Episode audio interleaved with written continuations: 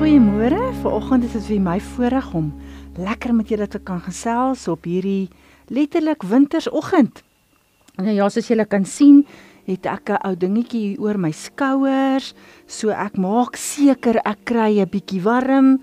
En as mens so ietsie oor jou gooi en jy voel warm, dan dan maak jy mos nou seker jy kry nie koud nie. En vanoggend toe dink ek daaraan Weet julle, ons kry baie keer wintertye in ons geestelike lewens. En dit het my herinner daaraan dat wanneer ons wintertye in ons geestelike lewe ervaar, maak in die gees soos wat ons doen in die vlees. Ons kry nou wel iets warms om aan te trek en oor ons te vou.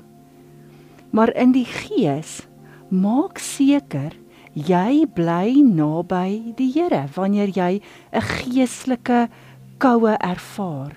Gaan skuil by God die Vader sodat jy bewus kan wees van sy teenwoordigheid, bewus kan wees van sy sy warmte wat jou hart koester en jou omvou sodat jy kan ervaar in jou wintertyd wat God vir jou wil doen, vir jou wil sê. So maak seker jy skuil en kruip weg by hom binne in sy hart, in sy boesem. Laat toe dat hy jou omvou sodat jy hom kan ervaar in jou geestelike wintertyd. Geniet jou geestelike wintertyd. Skuil by God en bly by hom sodat jy sy hartklop ten alle tye kan hoor. Mag jy 'n wonderlike geseënde hartklop naweek hê.